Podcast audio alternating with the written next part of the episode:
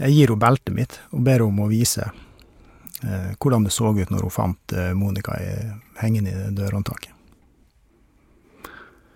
Det var veldig spesielt.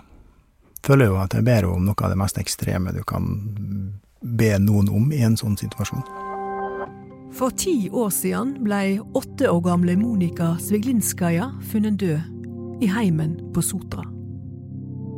Politiet konkluderte med at det var selvmord, og la saka bort. Men kunne det virkelig stemme at åtteåringen hadde tatt sitt eget liv? Det spørsmålet prøvde Kripos-etterforsker Tor Kalmyr å få svar på tre år seinere. Hør hans historie. Du finner episoden i BT-appen, på btno eller på Podme.